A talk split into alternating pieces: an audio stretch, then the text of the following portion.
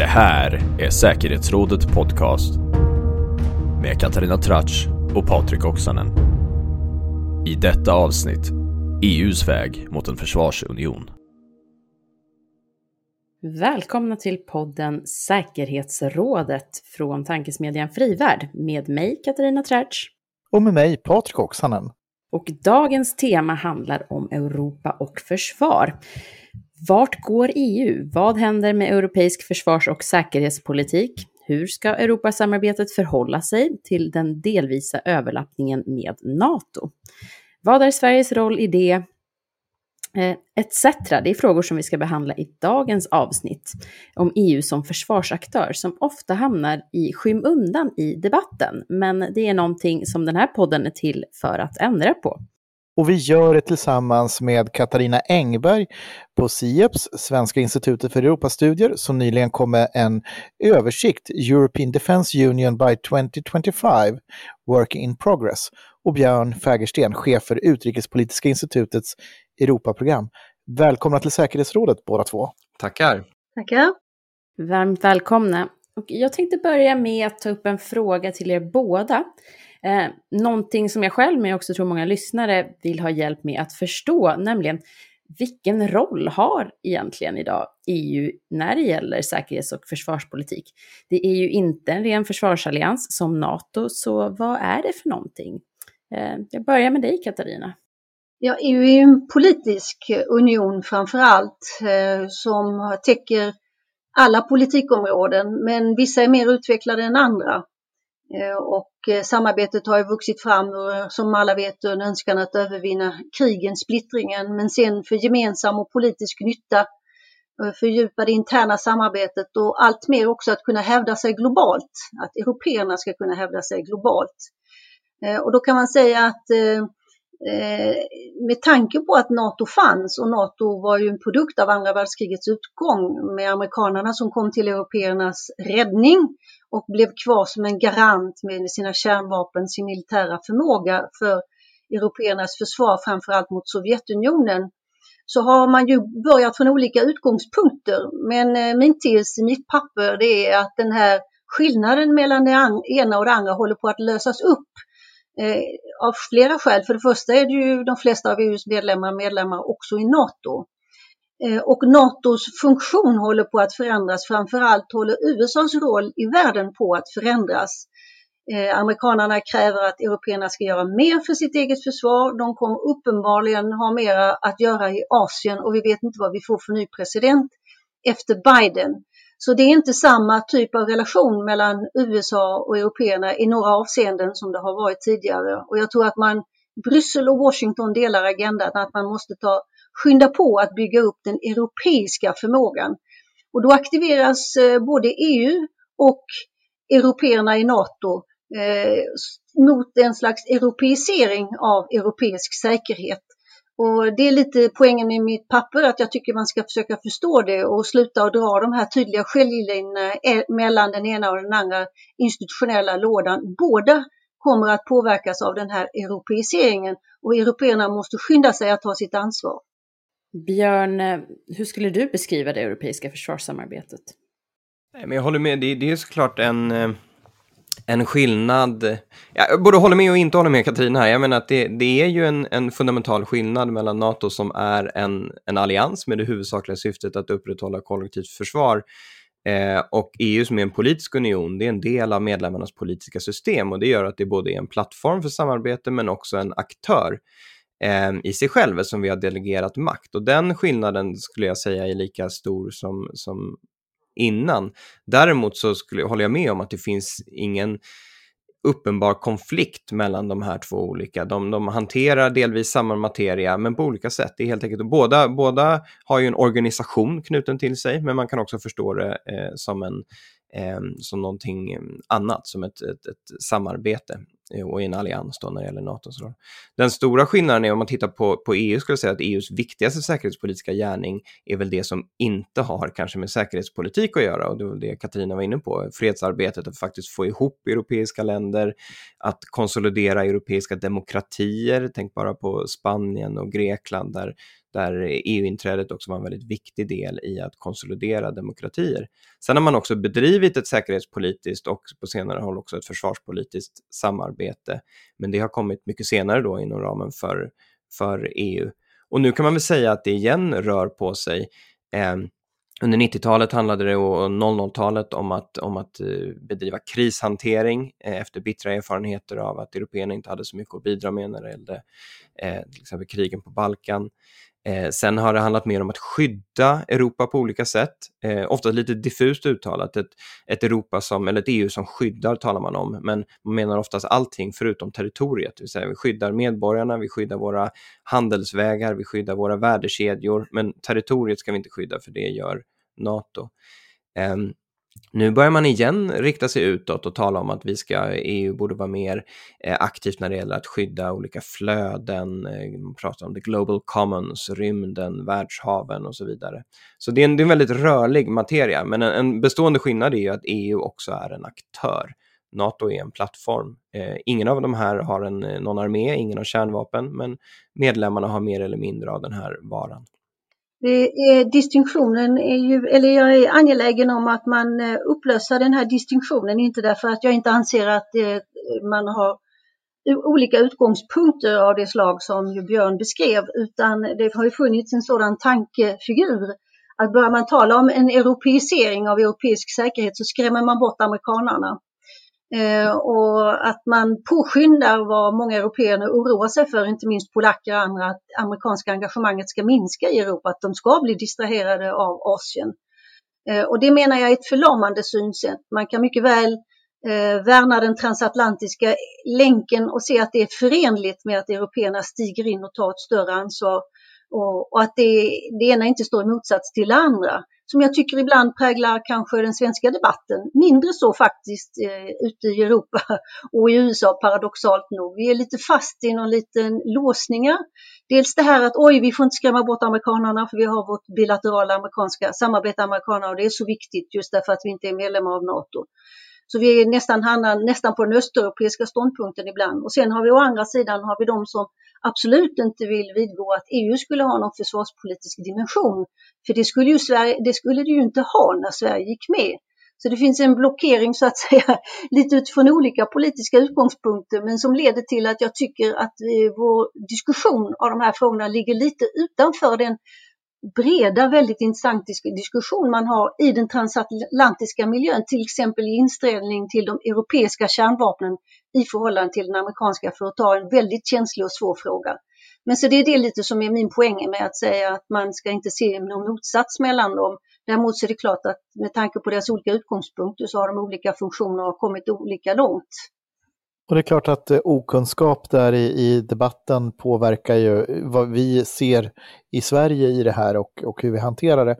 Katarina, där i din, din översikt som du publicerade nyligen, eh, European Defence Union by 2025, så citerade du också EU-kommissionens ordförande Ursula von der Leyen då hon säger vi behöver ytterligare järva steg under kommande fem åren i riktning mot en verklig europeisk försvarsunion. Och det där är ju ord som inte har gett något större gensvar i den svenska debatten och än mindre följts upp i, i, i mediebevakning om det har hänt någonting. Eh, och då undrar jag, vilka steg har du sett hittills av de här järva stegen som, som hon då pratade om?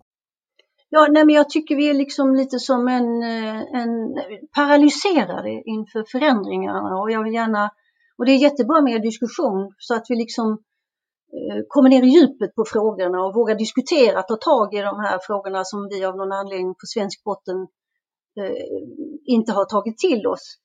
Eh, ja, jag tycker då att det har hänt mycket på sistone eh, om man tänker, om jag då ska argumentera i den här andra linan, att det försvarspolitiska samarbetet inom EU växer och fördjupas. Så har det hänt mycket de senaste åren som man ska notera och eh, impulserna till det, det är ju eh, det ryska agerandet i Ukraina och, och naturligtvis som har skrämt européerna ordentligt och lett till ökade försvarsanslag faktiskt eh, av betydande slag, även om det finns jättestora hål som pengarna bara sjunker ner i naturligtvis. Men det är en väsentlig ambitionshöjning på europeisk sida och det gäller naturligtvis både NATO och, eh, och EU.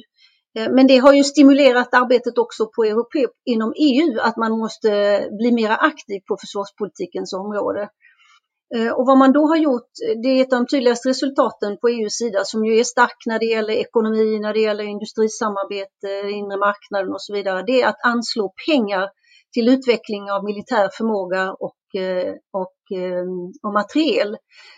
Och det har man då i den senaste överenskommelsen om EUs långtidsbudget som ju togs i somras och nu har kickat in i år, så finns det då för första gången 10 miljarder euro i, eh, för det här samarbetet. Det finns också andra pengar som är försvarsrelaterade, till exempel för att underlätta eh, sändande av trupp i EUs krishantering, för att finansiera afrikanernas krishantering, för mobilitet, strategisk mobilitet inom, eh, inom Europa. Sådan, det senare inte minst kommer också NATO till del.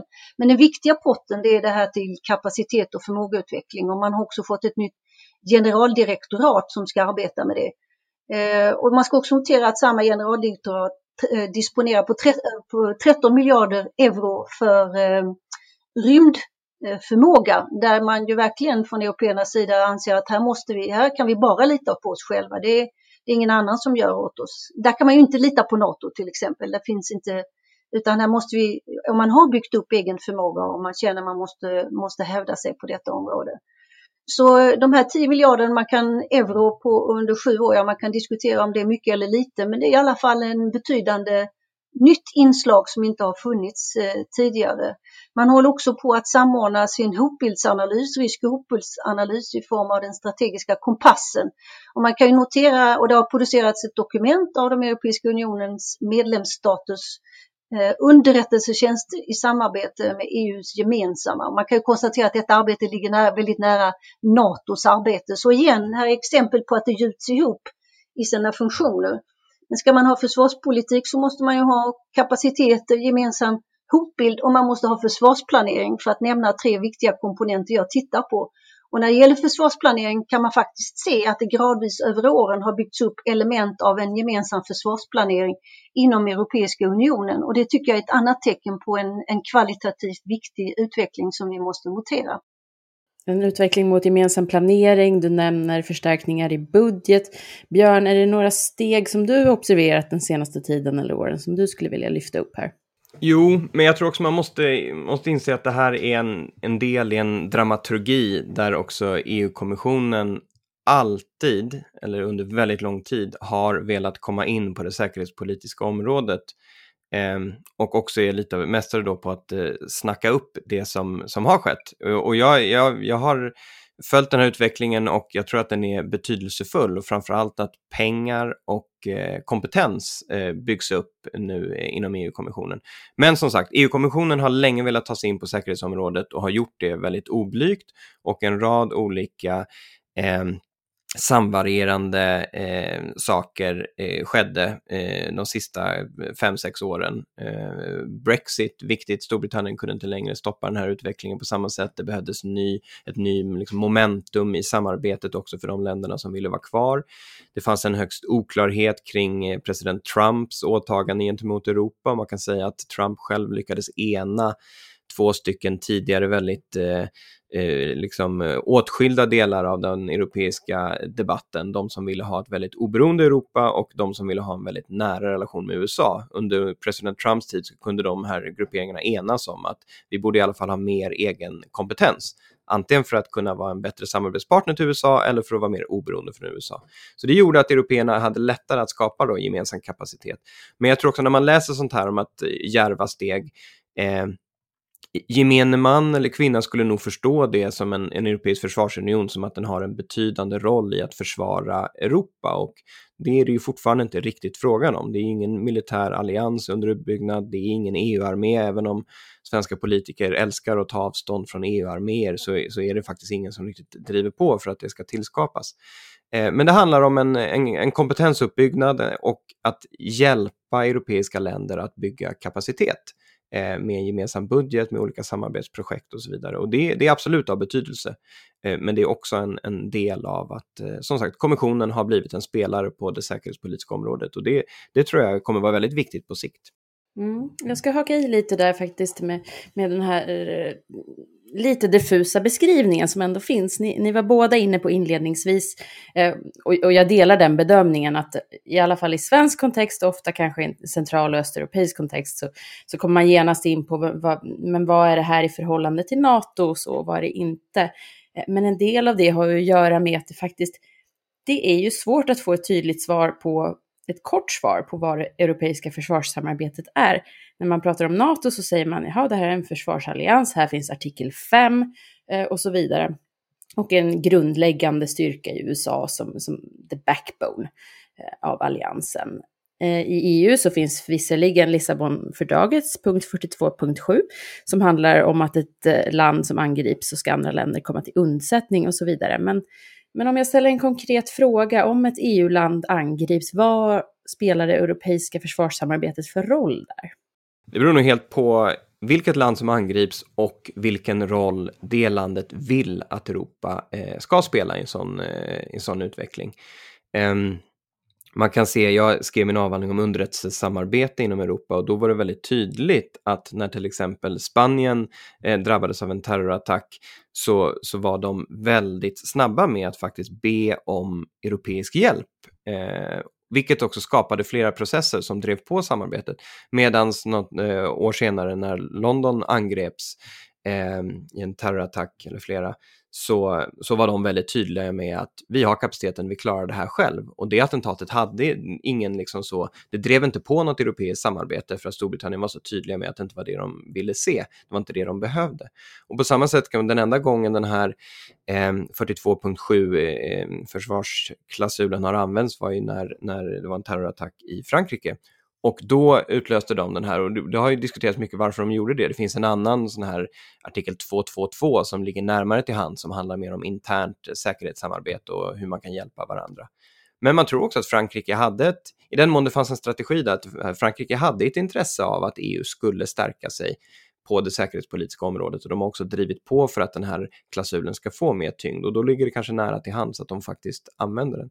Sen är det klart, det är en, det är en viktig fråga för, för Sverige som ju faktiskt inte har tillgång till, till några andra försvars, eh, det här är ingen försvarsgaranti, men eh, av den här sorten. Men när vi inte är med i NATO, skulle vi i en sån här händelse använda oss av eh, av den här artikeln och vad skulle det få för effekter? Sverige intar ju här en ganska speciell situation som, som å ena sidan har tagit den här solidaritetsyttringen på väldigt stort allvar och vi har dessutom gjort den till svensk doktrin och vi har gett den vidare tyngd genom att också säga att den gäller alla nordiska länder, inklusive då NATO-länderna men icke EU-länderna som, som Norge. Men samtidigt är vi ganska kallsinniga till att faktiskt utveckla den här 42.7.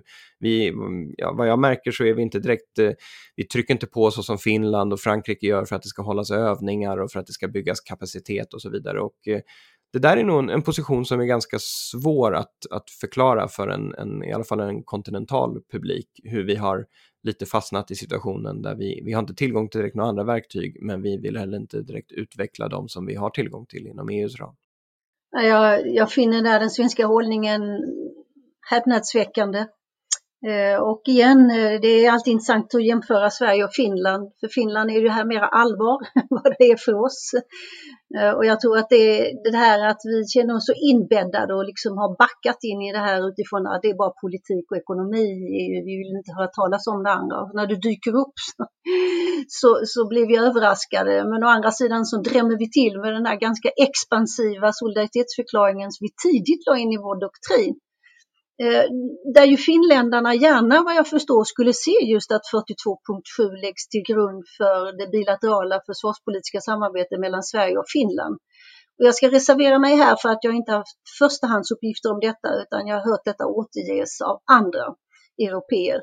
Eh, så jag, här skulle man naturligtvis höra lite närmare om hur finländarna tänker. Men det sägs att de gärna skulle vilja använda den här paragrafen just därför att vi inte är med i NATO. Och det är ju också då, om man tittar, det är lite intressant att se hur har den här diskussionen om 42.7 eh, förts i EU på sistone. Och man ska ju konstatera att en liknande paragraf har funnits med i den Västeuropeiska unionen sedan så att säga kol och stålunionens eh, första dagar. Det fanns bara olika hinder för att det så nära efter kriget skulle gå att genomföras och sen har ju eh, men i alla fall hopp därifrån och till nu. Som vad man har diskuterat på sistone när det gäller 42.7 inom EU, det är ju att den skulle kunna användas för cyber, i samband med cyberhot. För det är lätt att säga det är antingen krishantering eller territorialförsvar. Ja, men det kanske inte är så enkelt i verkligheten att tolka vad det är. Vad är, vad är hybrid? Vad är cyberhot? Eh, vad är maritima arenor och så vidare? Det är inte så enkelt. Och vad är krishantering och när blir det kollektivt försvar? Det är i dagens miljö mycket mer glidande och just där i den här glidande gråzonen om man säger så har det inom EU diskuterats att man skulle kunna eh, särskilt eh, ha scenarier, hybridscenarier hade till exempel finländarna under sitt eh, ordförandeskap. Eh, så det är ett exempel på hur man har utvecklat och fortsätter att utveckla den här, tolka den och spela på den här paragrafen. Det har också funnits en oro att eh, den skulle aktiveras i östra medelhavsområdet för den är ju av den karaktären att ett medlemsstat kan aktivera den själv. Den behöver, krävs inga kollektiva beslut. Eh, och Frankrike gjorde det i samband med det storskaliga terroristangreppet Eh, som de menar skilde sig från attentatet mot Atocha 2004 som ju då ledde till artikel 222 i Lissabonfördraget som just gäller eh, solidaritet när det inte är kollektivt försvar om jag säger så. Men eh, den här eh, eh, diskussionen då om, om 42.7, den, eh, den, den, man kan se att den utvecklas över tiden, att eh, man testar dess gränser och att man vill, eh, man vill se hur långt man kan eh, tillämpa den. Och, och som sagt, oh, det fanns en klar oro för att Cypern skulle aktivera den när man hamnade i konflikt med eh, Turkiet, när Turkiet var inne och, och borrade på cypriotiskt och för övrigt också grekiskt Eh, territorium att Cypern skulle aktivera det. Och det ska man då kanske ha i bakhuvudet när man funderar på förhållandet mellan EU och NATO i dagens läge, att Turkiet är ett problem i NATO. Och just när det gäller östra medelhavsområdet så finns det, ska man fundera på det för framtiden, att det är faktiskt ett möjligt område där EU kan aktiveras i de här avseendena. Därför att NATO kan ha problem på grund av Turkiet. Så det är olika saker som driver på och det är intressant att notera den här utvecklingen.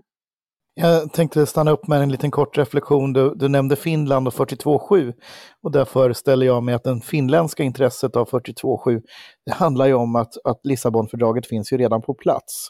Eh, det innebär ju eh, i förhållande till grannen på den andra sidan 1300 kilometer långa gränsen inte ett nytt dokument som, som behöver föras in eller en förändring i status.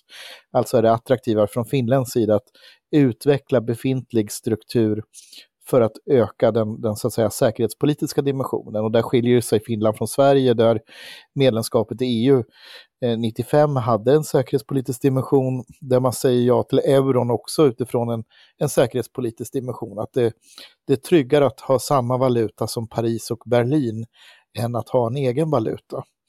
Så att där, där finns ju en skillnad i, i Sverige och Finland utifrån geografin och som ni då beskriver Sverige som inbäddat. Eh, ursäkta mina hostningar där. Eh, jag, jag poddade också med två FOI-forskare i, i förra avsnittet och det handlade om västlig militär förmåga. Och där de konstaterar att någon ersättning i Europa finns inte ens på medellång sikt om, om den amerikanska kapaciteten skulle försvinna. Och jag är lite nyfiken på att höra hur ni ser på det och framförallt hur ser den insikten ut på insidan av, av EU-samarbetet i den här dimensionen och, och vilka strategiska förmågor som USA har och tillför den europeiska säkerheten är svårast att ersätta? Jag tror att, att insikten är, eh, är stor om de beroenden som finns. Jag menar, det här var ju ett av, en av anledningarna och drivkrafterna till att EU drog igång det mer renodlade säkerhetspolitiska samarbetet från början, när man såg vad, vad, USA kunde göra i första Gulfkriget men, eh, med sin högteknologi och man insåg hur långt efter vi var. Det upprepades under Balkankriget och man insåg den europeiska liksom, begränsningarna i, i vårt aktörskap. Det visade sig igen under Libyeninsatsen hur framförallt hur dålig uthållighet européerna hade om man inte fick stöd eh, från, från USA. Och det består till stor del eh, och det finns ju en mängd liksom, eh, mer militärtekniska frågor och eh, förflyttning, eh, ja, även som vi såg i Libyen, ammunition och så vidare som, som begränsar oss. Men jag skulle nog vilja pekar på att den, det, det, viktigaste som saknas är ju fortfarande en, en sorts politisk vilja eh, i Europa och framförallt gemensamt i Europa att använda säkerhetspolitik som ett, som ett operativt verktyg och brist på en gemensam strategisk kultur. Jag menar, det hade inte krävt någon jätte-high-tech att spela en roll i Nagorno-Karabach-konflikten till exempel, men, men eh, européerna var ju ändå totalt frånvarande i en konflikt i vårt absoluta närområde. Jag tror att det handlar mer om synen på säkerhetspolitik än bara eh, dess verktyg. Sen är det klart, om man ska renodla det, på, på vissa områden är vi extremt beroende och de flesta europeiska länderna vill vara fortsatt beroende av USA när det gäller territorialförsvar och att fungera under ett amerikanskt kärnvapenparaply. Helt enkelt för att alternativet till, till det beroendet skulle antingen leda till en, en väldigt federativ utveckling i Europa för att kunna återskapa eller motsvarande förmågor som man inte vill, eller helt enkelt bara mer osäkerhet. Men på andra områden, och om det går väl att dela upp det här, så kanske Europa kan vara något mindre oberoende när det gäller småskaliga insatser över tid. Eh, nu ser vi också att säkerhetspolitiken håller på att liksom migrera in på andra områden, teknikkrig och eh, ekonomiska vapen och så vidare. Och där kan vi säga att Europa har mycket mer potential att, att faktiskt bli en aktör att eh, räkna med, vilket också lite skulle balansera relationen till, till USA.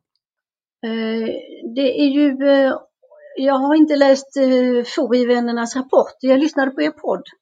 Så, eh, och det lät som om eh, resonemanget var där ungefär att eh, utan amerikansk hjälp så faller, så står européerna sig slätt till exempel mot en rysk eh, angrepp på balterna. Och det finns ju många liknande scenarier som har utvecklats av ISS, av RAND och så vidare. Och det, det, det är uppenbart, européerna vet det.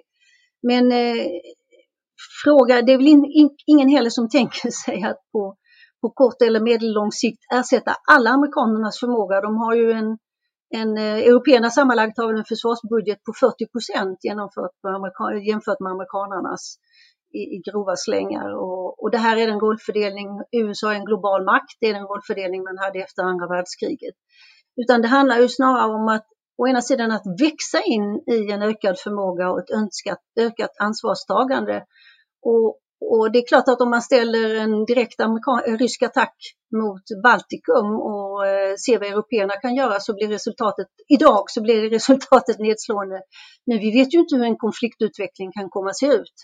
Eh, den behöver inte vara det direkta angreppet eh, av det slag eh, som ibland förekommer i de här scenarierna kan ju vara mer krypande utvecklingar och det finns ju också många som menar att eh, på medellång sikt kan européerna visst, om de vill och sätter manken till, bygga upp en del av de här förmågorna som amerikanarna har. Och inte bara de kan, de måste. Därför vi kan inte alltid räkna med att amerikanarna kommer ha samma närvaro i Europa som de har haft, hade under kalla kriget och, och, och i någon mån fortfarande har. De kommer att vara engagerade på andra håll, inte minst i Asien. Så det är liksom en, eh, det, man kan gripas av förlamning om man tittar på den här svagheten men man kan också eh, befästas i sin övertygelse att vi måste bygga upp de här förmågorna. Eh, och det tycker jag ändå man ser tecken till på europeisk sida. Så det är inte en sån där enkel antingen eller diskussion. Och jag skulle vilja notera här, jag var inne på det tidigare, jag tycker man ska sätta sig in i diskussionen om en europeisk avskräckning. Eh, som ju förs eh, i den transatlantiska miljön. Som bekant så har ju den franske presidenten, och man ska ju komma ihåg att det finns eh, franska och brittiska kärnvapen i den här kalkylen, att den franske presidenten har erbjudit andra europeiska länder att delta i deras övningar, att diskutera deras doktrin. Och ehm, Eh, detta är en diskussion som inte bara förs av fransmännen. Liknande för, för, uh, eh, idéer finns i den transatlantiska diskussionen där man talar inte bara om en fransk uh, förmåga utan europeisk avskräckningsförmåga uh, som, ut, som finns där naturligtvis tillsammans med den amerikanska men där man också på europeisk sida måste börja tänka på ett mera självständigt sätt. Det där är en jättesvår diskussion men jag tycker att det är viktigt för oss att notera det. Mm. Eh, tiden håller på att springa iväg oss och detta poddavsnitt, men jag tänkte att vi skulle avsluta med någonting som vi har varit inne på lite tidigare, nämligen den svenska hållningen i det här. Eh, ni har båda uttryckt eh, lite förvåning och en viss frustration, tycker jag mig ana, kring den svenska linjen i frågan och Sverige har också Eh, från experthåll av och till fått kritik för att liksom vara, vara för passivt eller liksom tvingats backa in i, i frågor som rör det europeiska försvarssamarbetet. Eh, skulle ni vilja sammanfatta lite hur den svenska hållningen sett ut och också få ge en liten önskan om hur ni skulle vilja att den utvecklas? Men Sverige har ju varit eh, kan säga, ambivalent till hela det utrikes säkerhetspolitiska paketet eftersom, som Patrik var inne på, det var inte ett säkerhetspolitiskt motiverat val att gå med i EU. Tvärtom så framhölls liksom den mer transaktionella aspekten att vi behövde den ekonomiska tryggheten till skillnad från, från Finland.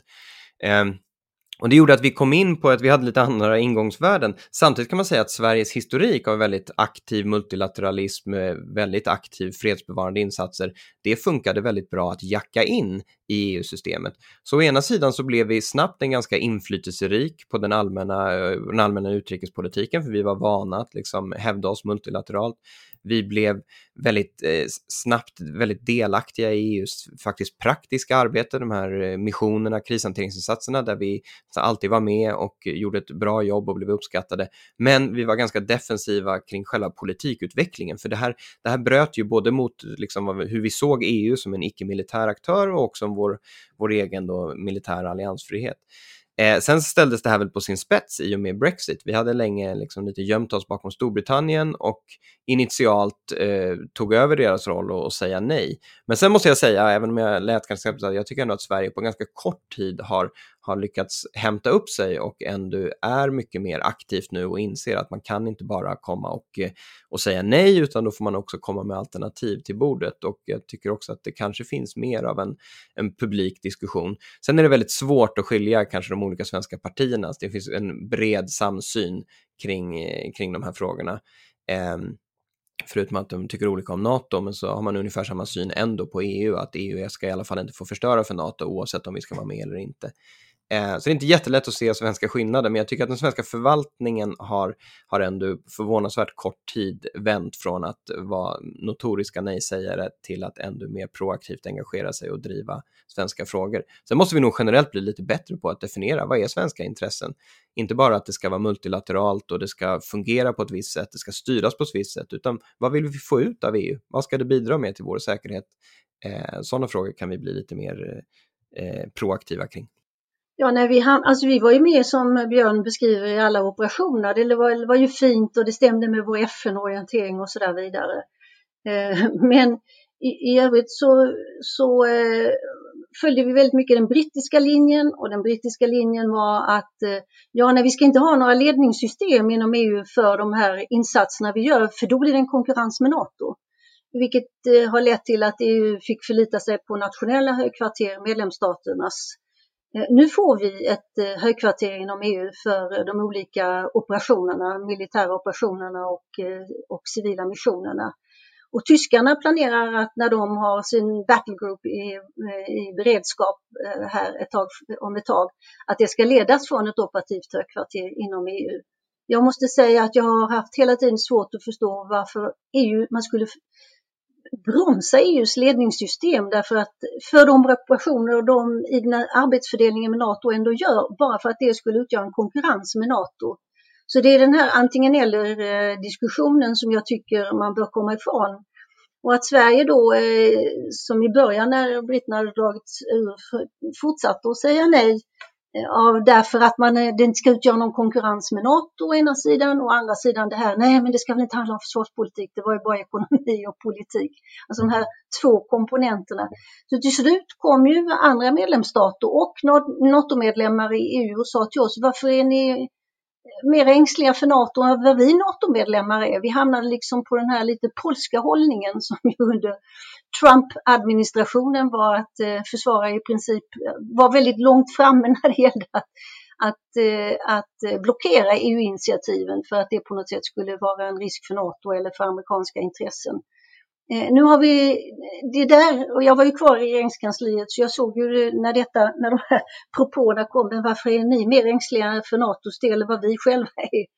Och det har ju lett till eh, så småningom en mera flexibel och, och, och klok svensk hållning. Men vi har fortfarande en blockering eh, som vi måste komma över. Ja, vi har kanske flera, men en som vi nu är akut det är ju hur vi förhåller oss till försvarsfonden. Eh, och där finns det ju onekligen olika röster inom eh, den svenska industrin och det beror på vilken del av industrin man talar med helt enkelt.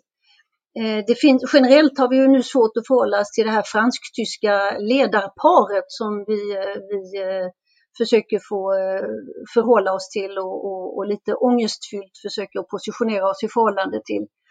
Och då finns det, inte minst inom flygindustrin, en oro för att eh, fonden i de delprojekt som så att säga gör del, blir del av ett större flygsystem, ett FCAS-system som ju då finns ett å ena sidan ett fransk-tyskt och andra sidan, eh, eh, spanskt och å andra sidan ett svenskt-brittiskt italienskt. Att det sätt som man specificerar en del av undersystemen inom ramen för, för försvarsfonden, att det ska ge en fördel för de fransk-tyska företagen. Medan andra delar av industrin som är civilmilitär gärna vill kasta sig in. Men där känner jag, där måste ge, Sverige ge sig in i sina projekt och verkligen känna vad man kan få hem både för flygindustrin och för andra delar av svensk industri och inte sitta på paket. Mm. Vissa, mm, mm, viss utveckling har skett i den svenska inställningen, tycker jag mig höra på er, men det finns, finns fortfarande en, en del frågetecken och en del saker som, som kan bli, eh, bli annorlunda. Eh, kanske bättre till och med, tol tolkar jag det som på er.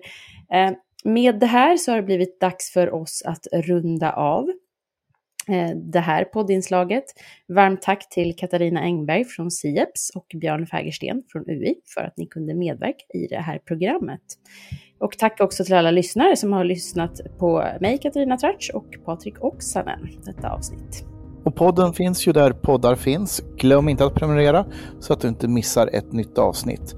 Rösten i inledningen tillhör Dino Ekdal som också gjort bearbetningen. Och kom ihåg, Europa är värt att försvara och motståndet upphör aldrig.